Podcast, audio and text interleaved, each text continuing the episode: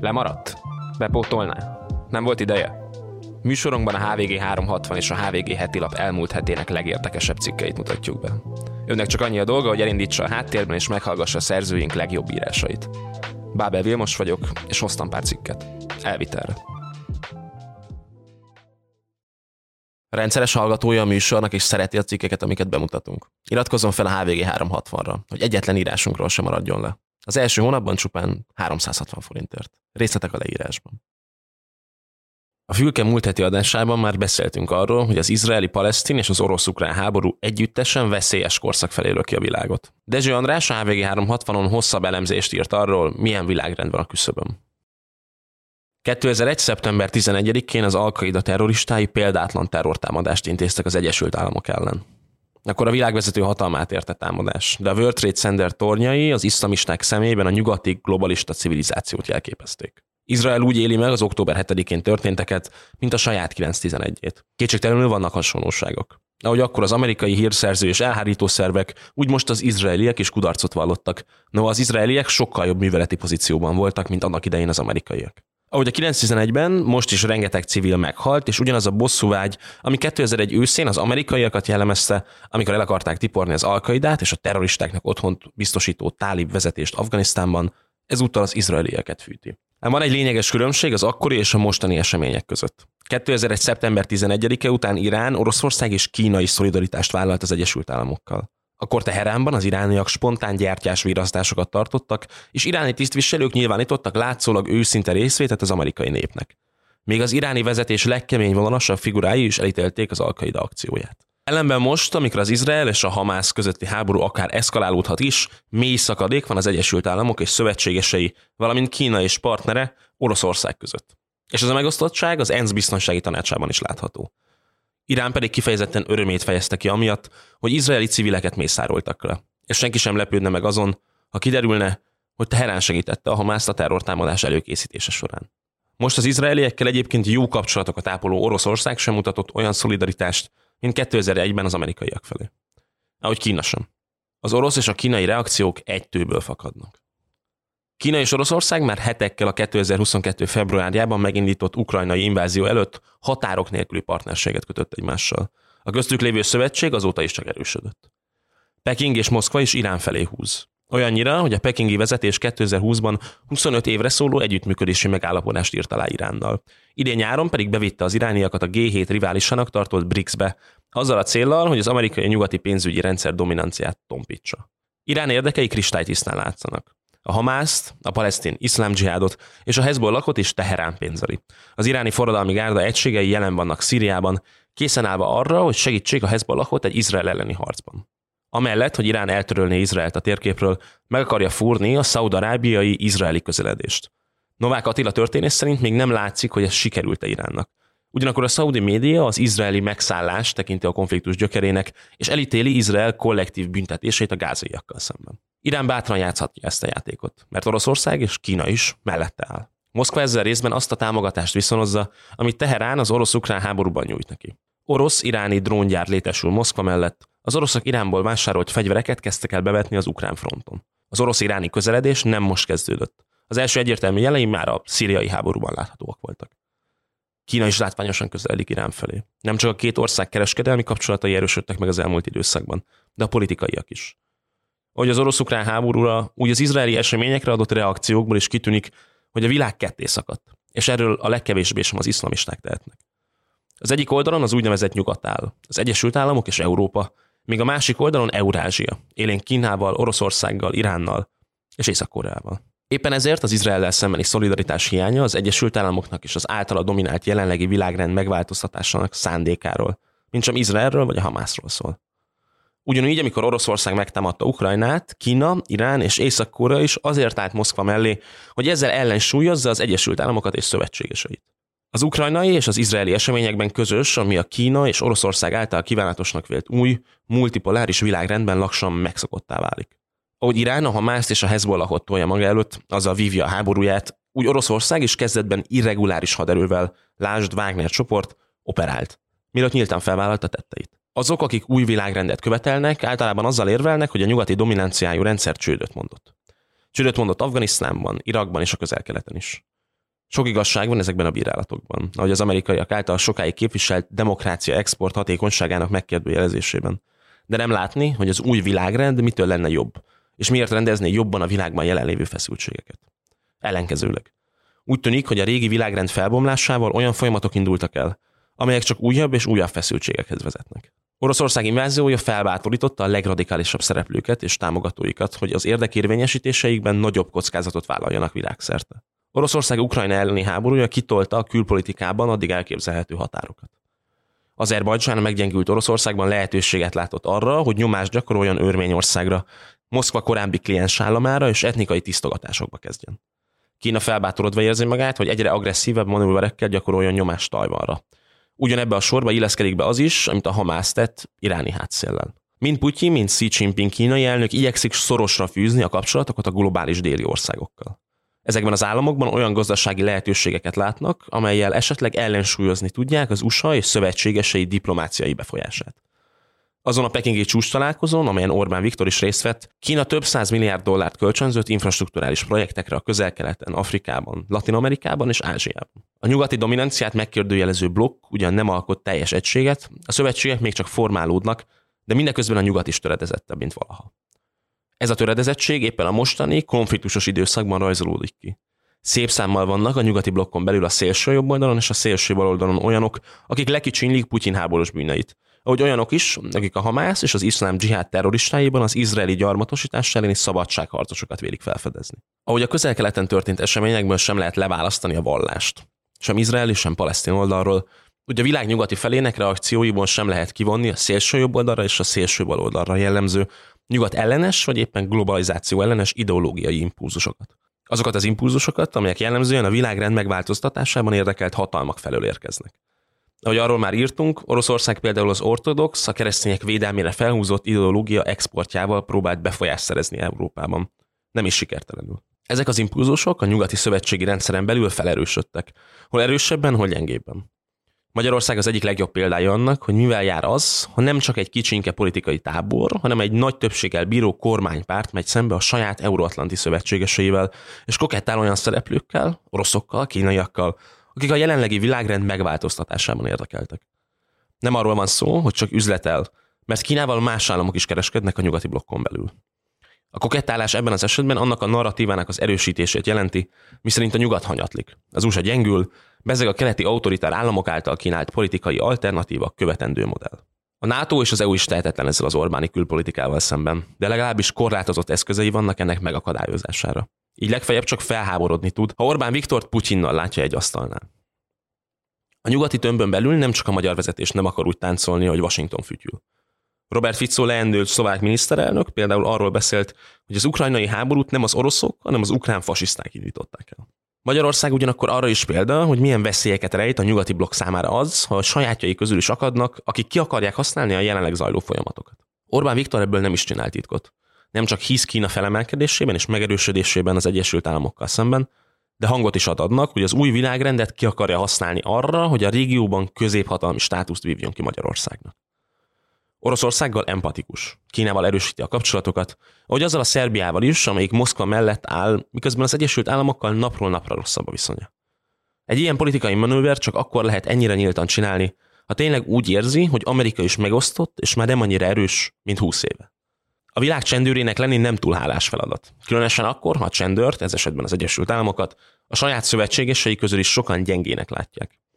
Mindeközben olyan dilemákra kell választ találni a nyugati világ döntéshozóinak, amelyeket az orosz-ukrán háborúban például Ukrajna felfegyverzésének és finanszírozásának kérdésében láthatunk, és amelyek nyugaton a politikai viták fókuszában állnak.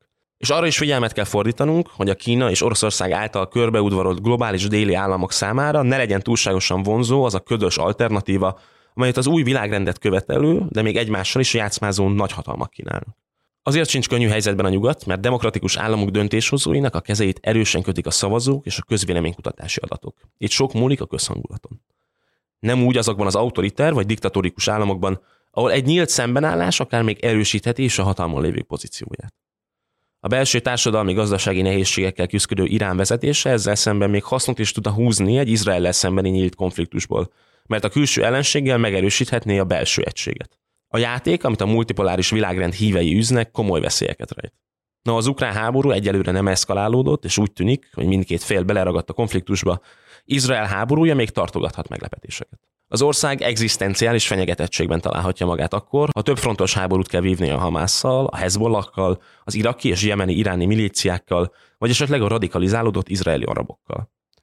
Egyelőre senki sem tudja megjósolni, hogy hová fajul a konfliktus, de a legrosszabb forgatókönyv szerint akár még a nyugatos, Jordánia és Egyiptom is destabilizálódhat, még ha erre most kevés is az esély. Egyiptomban decemberben választások lesznek. A palesztin barát lakosság pedig már most is forrong a magas infláció miatt. És akkor még az ennél drámai forgatókönyvekről, például egy Izrael és Irán közötti nyílt konfliktusról nem is beszéltünk. Az Egyesült Államok viszont nem érdekelt az eszkalációban, ezért a diplomáciában zsoglőrködnie kell. Washington nem hagyhatja, hogy az arab országokat, Egyiptomot, Jordániát, Szaudarábiát túlságosan magára haragítsa egy erőteljes izraeli reakció, miközben Washington Izraelt sem hagyhatja cserben. És mindezek tetejében azt is számításba kell venni a közeledő elnökválasztás miatt az amerikai döntéshozóknak, hogy mit akarnak az amerikai választók. A diplomácia és az erődemonstráció közötti egyensúlyt megtalálni roppan nehéz. Azzal, hogy az Egyesült Államok két repülőgép hordozót küldött Izrael megsegítésére, nyilvánvalóan a Hezbollahot, azaz végső soron Iránt próbálja elrettenteni attól, hogy Libanonból egy másik frontot nyissanak az izraeliek ellen. De korán sem biztos, hogy Iránban megijednek ettől, hiszen ugyanez az amerikai elrettentés 2022. februárjában Oroszország ellen sem bizonyult sikeresnek. Irán jemeni és iraki megbizotjai már fenyegetőznek is azzal, hogy amerikai katonai támaszpontokat vesznek célba a közel-keleten, ha az Egyesült Államok beavatkozik. Ha a világrend még nem is alakult át teljesen, a globális biztonsági rend egy ideje valóban összeomlóban van. Ez a folyamat néhány éve a szemünk előtt zajlik. 2021-ben az Egyesült Államok kliens állama Afganisztán omlott össze. A tálibok ismét hatalomra kerültek. 2022. februárjában háború kezdődött Ukrajnában, aminek még nem látni a végét. Csak idén eddig már négy nyugatellenes pucs történt Afrikában. Polgárháborúk Dél-Szudánban és Etiópiában. Azerbajdzsán terrorellenes művelet címén megtámadta a többségében örmények lakta hegyi Karabakot, a Balkánon Szerbia és Koszovó feszül egymásnak, és nincs garancia arra, hogy a feszültség nem csapát háborúba. Szerbia esete azért is figyelemre méltó, mert a Magyarországgal szomszédos és a magyar kormányal szoros szövetségben álló szervezetés nem csak Moszkva, de Peking irányában is elkötelezettnek tűnik. Ahogy a közel-kelet, úgy a Balkán is bármikor szikrát kaphat. Még akkor is, ha most esetleg egy háborút valószínűtlennek tartanak. Alig egy héttel az izraeli események előtt Jake Sullivan nemzetbiztonsági tanácsadó azt fejtegette, hogy a közel-keleti régió ma csendesebb, mint két évtizede volt. Ennél nagyobbat nem is tévedhetett volna. A Pentagonnak már Ázsiára is oda kell figyelnie, miután a dél-kínai tengeren egyre nő a feszültség a szintén amerikaiak által támogatott Fülöp-szigetek és Kína között. Kína és a Fülöp-szigetek egyaránt az energiaforrásokban és halban gazdag, stratégiailag jelentős dél-kínai tenger miatt feszül egymásnak. Peking a terület szinte teljes egészét az ellenőrzése alatt tartaná, de más államok is, így a Fülöp-szigetek mellett Vietnám, Malajzia és Brunei is. Mindeközben sokan azt várják, hogy Kína már jövőre blokkád alá vonhatja Tajvant, ennek pedig beláthatatlan következményei lehetnek. Hiába vannak földrajzi távolságok a világ gócpontjai között, a maguknak helyet követelő nagyhatalmi játszmák miatt ezek a pontok összekapcsolódnak. Ugyanúgy, ahogy Ukrajna és Izrael ügye is. Moszkva közvetve már most is részt vesz a közelkeleti válságban a szíriai jelenléte révén, beleértve az ottani légvédelmi rendszereit. Az orosz propaganda pedig már most szembe akarja állítani egymással Kievet és Jeruzsálemet. Például akkor, amikor az Izraellel szemben már ellenséges orosz média azt a hamis információt híresztelte, hogy a Hamász Ukrajnából szerezte be a fegyvereket. Moszkva arra számít, hogy Ukrajna és Izrael között valószínűleg némi versengés is lesz bizonyos fegyverek beszerzéséért. És ugyanez igaz a Balkára is, ahol szintén számításba kell venni Oroszország érdekeit, kavarását. Európa semmiképpen sem tud ebből kimaradni. Ha ugyanis a közel-keleti konfliktus eszkalálódik, akkor Európa új menekült hullámmal szembesülhet. Éppen egy olyan időszakban, amikor a bevándorlás ellenes politikai populizmus csúcsra van járatva. Ezeknek a konfliktusoknak közel-kelet, Balkán, dél-kínai tenger, afrikai pucsok a kimenetele nagyban függ attól, hogy meddig mennek el azok a nagyhatalmak, amelyek újra szabnák a nemzetközi viszonyokat. És mennyire állhat ellen ezeknek a törekvéseknek az Egyesült Államok. Sziasztok, én Csatári Flóra Dóra vagyok. Én pedig Zinzi Stefán. Ez pedig a Mérlegen, a HVG üzleti podcastje, amelyben minden második héten összefoglaljuk az elmúlt időszak legizgalmasabb céges híreit. Az adások második részében pedig a legsikeresebb magyar vállalkozókkal és szakemberekkel beszélgetünk, hogy akár most kezdenél bele, vagy akár hosszabb ideje vállalkozol, te is a legtöbbet tud kihozni az üzletedből. Angyalbefektetőktől globálisra nőtt startup alapítókig, Z-generációs vállalkozóktól a mesterséges intelligenciáig, izgalmasabbnál izgalmasabb témákkal és vendégekkel készülünk. Iratkozzatok fel, és találkozzunk két hetente.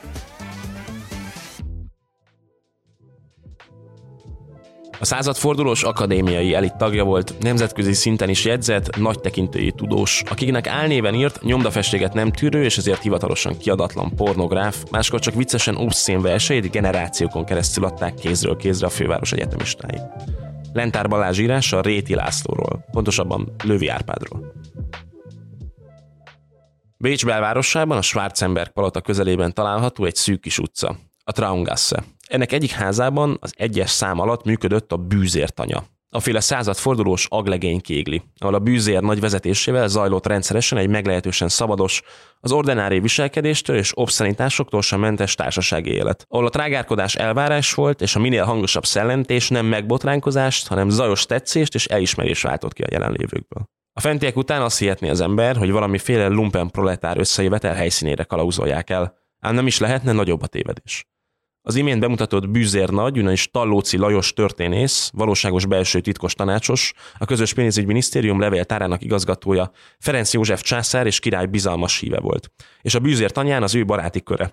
A dualista állam jellemzően inkább magyar oldaláról érkezett magasrangú képviselői mulatoztak rendszeresen. Talóci magánlevelezése a rendkívül izgalmas történeti fejtegetések, vagy a Bosznia-Hercegovinával kapcsolatos politikai elképzelések mellett arról is híres, hogy a történész nem tartózkodott a trágár, olykor pornográf rigmusoktól sem benne, amit aztán levelező partnerei rendszerint viszonoztak. Talóci ilyen leveleinek bal felső sarkában rendre egy nyomtatott, mesztelen ülepet lehetett találni. A bűzért anya elmaradhatatlan bútor darabja volt, természetesen a bűzért nagy Talóci mellett, egy folyton füstölő, szemüveges, szakállas, izgága ember, aki mindig egy fekete táskát cipelt magával, és amikor rákerült a sor, felpatintotta azt, és papírost kotorva elő belőle, fura éneklő hangon szavalni kezdte valamelyik versét. Mondjuk ezt. Ő méltósága 60 éves, és a tisztviselők estét adnak. Tüntető kifejezésül a szeretetnek sódolatnak. Lesz tószt, album, alkalmi vers és más, egyéb, ami feltünteti, hogy tudása, tapintata, bölcsessége milyen sok neki. Én nem megyek. Egy vacsoráért 8 forintot én nem adok hisz ennyi pénzért én nem segget, hanem pinát is nyalhatok. A vers előadója nem volt más, mint dr. Réti László, etnográfus, numizmatikus, a Magyar Nemzeti Múzeum érem és régiségosztályának vezetője, az MTA tagja, bár az is igaz, hogy a Büzér tanyán, ahogyan Talószi sem belső titkos tanácsos úr volt, hanem a Büzér nagy, úgy Réti sem a maga nevén írta ezeket a verseket, hanem egy igen szellemes társítással Lővi Árpádnak keresztelte el magát. A két eltérő közegből származó név egymásra találásáról egy másik versében emlékezett meg. Irodalmunkban, büszkén mondom, nincs több olyan tipikus költő, mint Lővi Árpád, akit ismer már egy egész nagy emberöltő. Nincs ki magyar géniusznak hívebb tolmácsa volna, mint ő, bár meg lehet, hogy van nálánál nem egy kiváló magyar költő. De ő nevében egyesíti a fajt, melyre néz a Kárpát, hiszen fajunknak fele Lővi, másik fele meg Árpád. Magyarázatként érdemes hozzáfűzni ehhez, hogy a korszakban a faj kifejezés még nem itatódott át a fajelmélettel hanem a nemzet szinonimájaként használták. Ahogyan tette azt annak idején Gróf Széchenyi István is. Ráadásul a dualizmus alatti Magyarországon a nemzet alatt sem a mai etnicista nemzetfogalmat értették, hanem egy univerzalista, integratív, politikai nemzet koncepcióját, amiben elfért mindenki, aki a magyar politikai nemzet tagjának vallotta magát, függetlenül attól, hogy milyen származású, vagy hogy mi volt az anyanyelve. Ez Réti Lászlóra is nagyban vonatkozott, legalábbis abban az értelemben, hogy az ő apja még Slotterbeck Lipót néven látta meg a napvilágot, és a nagyapja, Slotterbeck Kristóf volt az, aki német nyelvterületről a magyarországi szarvasra költözött. A családi legendárium szerint azért, mert azt olvasta egy útleírásban, hogy itt a környéken sehol sem találni boltot. Úgyhogy fogta magát, idejött és nyitott egy vegyes kereskedést. Fia, a nyomdás szakmát kitanuló Lipót már lelkes magyar volt. Olyannyira, hogy 1844-ben fel is vette a Réti nevet, és ő építette fel Békés megye első nyomdáját, ami később börtönbe is juttatta. Mivel a császáriak rossz néven vették a Réti nyomda 1848-ban és 49-ben megjelent kiadványait. Nem csoda, hogy a Réti Lászlóban is megjelenik az asszimilásokra jellemző kettős identitás, ami végül Lővi Árpád alakjában öltött testet. A Budapesti Református Gimnáziumba járt középiskolába, ahol a bölcsész tudományok iránti fogékonyságára, valamint jó ritmus és nyelvérzékére felfigyelt egyik tanára. Az akkor már akadémikus Tali Kálmán is, és szárnyai alá vette az ifjút, aki amúgy nem volt egy kifejezetten jó tanuló, előfordult, hogy három tárgyból is pótvizsgáznia kellett. Rossz tanuló voltam, de író, mással foglalkoztam, mint amivel kellett volna. Írta később az önéletrajzában. Ugyan az érettségi megszerzését követően jogot kezd tanulni, de Tali hatására végül átnyergel a bölcsésztudományra. Krakói, Bécsi és budapesti tanulmányai során hallgatott szláv, örmény és szanszkrit nyelvészetet, muszlim numizmatikát, történelmet, művészettörténetet és filozófiát. Doktori disszertációját viszont 1880-ban már numizmatikából írta. Magyar pénzverő Ismaeliták és Bessarábia címmel. Írja róla Tóth Csaba, a Magyar Nemzeti Múzeum éremtárának szakmúzeológusa. Réti maga is a Nemzeti Múzeumba kerül. 30 éves korában az érem és régiségtár díjnoka, azaz szakmúzeológusa lesz. Ám ez a döntés hosszú időre be is árnyékolja életét, ugyanis a múzeumba kerülését követően megbotlik, és az évtizedekig nyomasztani fogja. Történt ugyanis, hogy pénzszűkében a saját érem gyűjteményét zálogba adta, és miután megkapta az állást a múzeumnál, na meg a fizetését, rögtön ki is váltotta azt. Ezt követően tudta meg, hogy múzeumi dolgozóként tilos a szakbeli tárgyak otthoni gyűjtése, leginkább azért, hogy még véletlenül se vádolhassák meg őket azzal, hogy lopnak a múzeumból. Réti azonban tetézte a bajt azzal, hogy bár az érem gyűjteményének nagy részét ezt követően eladta, de pár aranypénzt és más ritkaságokat magánál tartott. Talán nem is történt volna semmi baj, ha az egész műveletet nem egy hordárral végezteti el, akit aztán, miután kiderült számára, hogy tiltott dolgot cselekedett, hallgatásra szólította fel. A hordár egy bizonyos Kutak István, sőt annak egész családja aztán évtizedeken át zsarolta a rétét a botlásával. A boldogtalan muzeológus pedig minden egyes esetben fizetett a zsarolóknak a helyet, hogy bevallotta volna a felettesének ezt az egyébként tényleg ártatlan apróságot. A helyzetből fakadó folyamatos feszültség rányomta a bélyegét életére. Így a Pajzán és Trágár versek szerzője, a bohém tudós, a bűzért anya költője titkon depresszióval küzdött, ami nem segített az sem, hogy a magánélete is alapvetően boldogtalan volt. Felesége néhány év betegeskedés után elhunyt, és nem sokkal később kisfiát is elvesztette. Ráadásul egy rejtélyes, beteljesületlen szerelem is kínoszta, melynek tényét a legizgalmasabb írásaiban megvallotta ugyan, de tárgyát elhallgatta. Szakmaiságára ugyanakkor nem volt panasz. Sőt, rábízták egy monumentális munka, az egyetemes magyar éremtár összeállítását, ami egy kétkötetes katalógus formájában jelent meg, és az Árpád-házi királyoktól Szopolyai Jánosig vert érmeket tartalmazta. A munka minőségét jól mutatja, hogy a Magyar Nemzeti Múzeum éremtárában őrzött középkori magyar éremanyag a mai napig a Réti féle katalógus sorszámai alapján van rendszerezve. Réti munkája azzal is járt, hogy neki kellett beazonosítani az országban éves szinten tízezrével talált régi érméket, sőt, egy idő után már nem csak az érmékkel zaklatták, ami meglehetősen epés kirólásokra sarkalta, ezek közül egy rá igencsak jellemző válasz viszonylag széles körben ismerté vált. Tekintetes kultúrmérnöki hivatal Pécsett. Tegnapi postával érkezett 1090 per 1903 18 hivatalos átiratukra, melyben azt kérdik, hogy a Nagybereki község határában lelt a régi sarkantyúval mi történjék, Hivatalos tisztelettel azt válaszolom, hogy basszák meg az urak a sarkantyújukat, mert 35 rémúr hőségben ilyen szarságokkal nem foglalkozhatunk. Budapest, 1903. augusztus 18. Teljes tisztelettel lófasz a segükbe dr. Réti László, Magyar Nemzeti Múzeum érem és régiség osztályi igazgató helyettes. A 14. Magyar Királyi Kultúrmérnöki Hivatalnak Pécset. A ló nemesebb szerve amúgy is visszatérő eleme volt Lővi költészetének, olyannyira, hogy egy versében magát a lófaszok felken dalnokának nevezte. Így egyáltalán nem meglepő, hogy gyakran élt a kifejezéssel. Mint például az alábbi, a finnugol nyelvrokonságra is reflektáló versében. Egyszer fent jártam Helsingforsban, és ott sok finn tudós szívesen fogadott. És a magyarul tudók egy szigeten búcsulakomát rendeztek nekem. Verseket olvastam, természetes. Így telt el vígan az a szép nyári est. Verseimen mulattak eleget, de végén egyik egy megjegyzést tett. Egy szó van a versekben, mondja ő, mely könyveinkben nem fordul elő.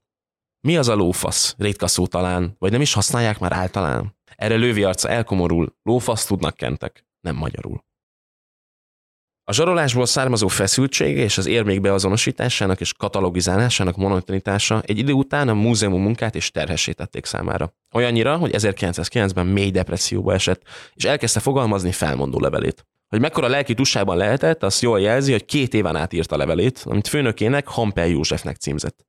A levélben azon túl, hogy végre teljes körű beismerő vallomást tesz a régi botlásáról, azt is megírja, hogy most arra meggyűlölte a numizmatikát, és amit lehet, szeretne felhagyni vele. Senki sem sejti azt méltóságos uram, hogy én, aki Lővi Árpád név alatt ezer és ezer embert mulattattam verseny felolvasásával, a legboldogtalanabb embernek érzem magamat. Ha a felolvasásról, ahol nagy hahotákat szoktam kelteni, hazamegyek és lefekszem, órákig nem tudok elaludni, és álmaimmal is hallok gúnyos nevetést, és ezt az átkozott suttogást. Tolvaj, írta főnökének. Réti depressziója ekkoriban már tetten érhető a Tallócival folytatott levelezésében is. Beteg vagyok, egész életem minden kinyát, csalódásaimat, tévedéseit, valami őrületes tény egyszerre világosítja meg lelkem előtt, és egy borzasztó tátongó űrt látok magam előtt. Mely minden nap nő és szélesedik, és én a szélén állok, melyből minden reggel egy lépésnyi leomlik, és én kétségbe esve kapaszkodom a gyökerekbe. Írta a bűzér nagynak, aki talán életében a legbizalmasabb barátja volt. Azt is tudjuk, hogy ekkoriban az öngyilkosság gondolata is többször megkísértette. Ám vélhetőleg annak puszta ténye, hogy kiírta magából és megosztotta Hampellel a történteket, használta lelki világának, mivel a depresszióját, legalábbis ami a kései levelezését illeti, mintha elfújták volna.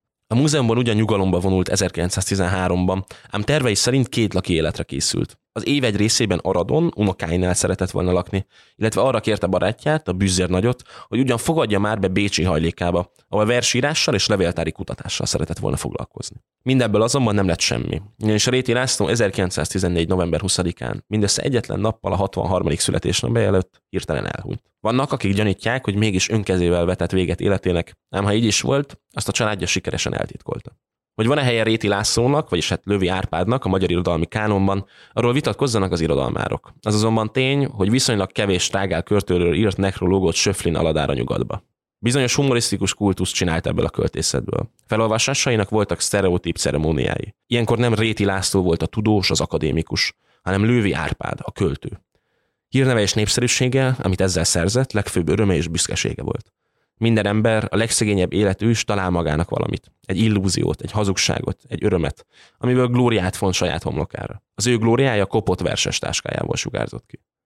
Most el fog porladni vele együtt a verses táska is. De bizonyos, hogy furcsa rímeit még sokáig fogják mondogatni.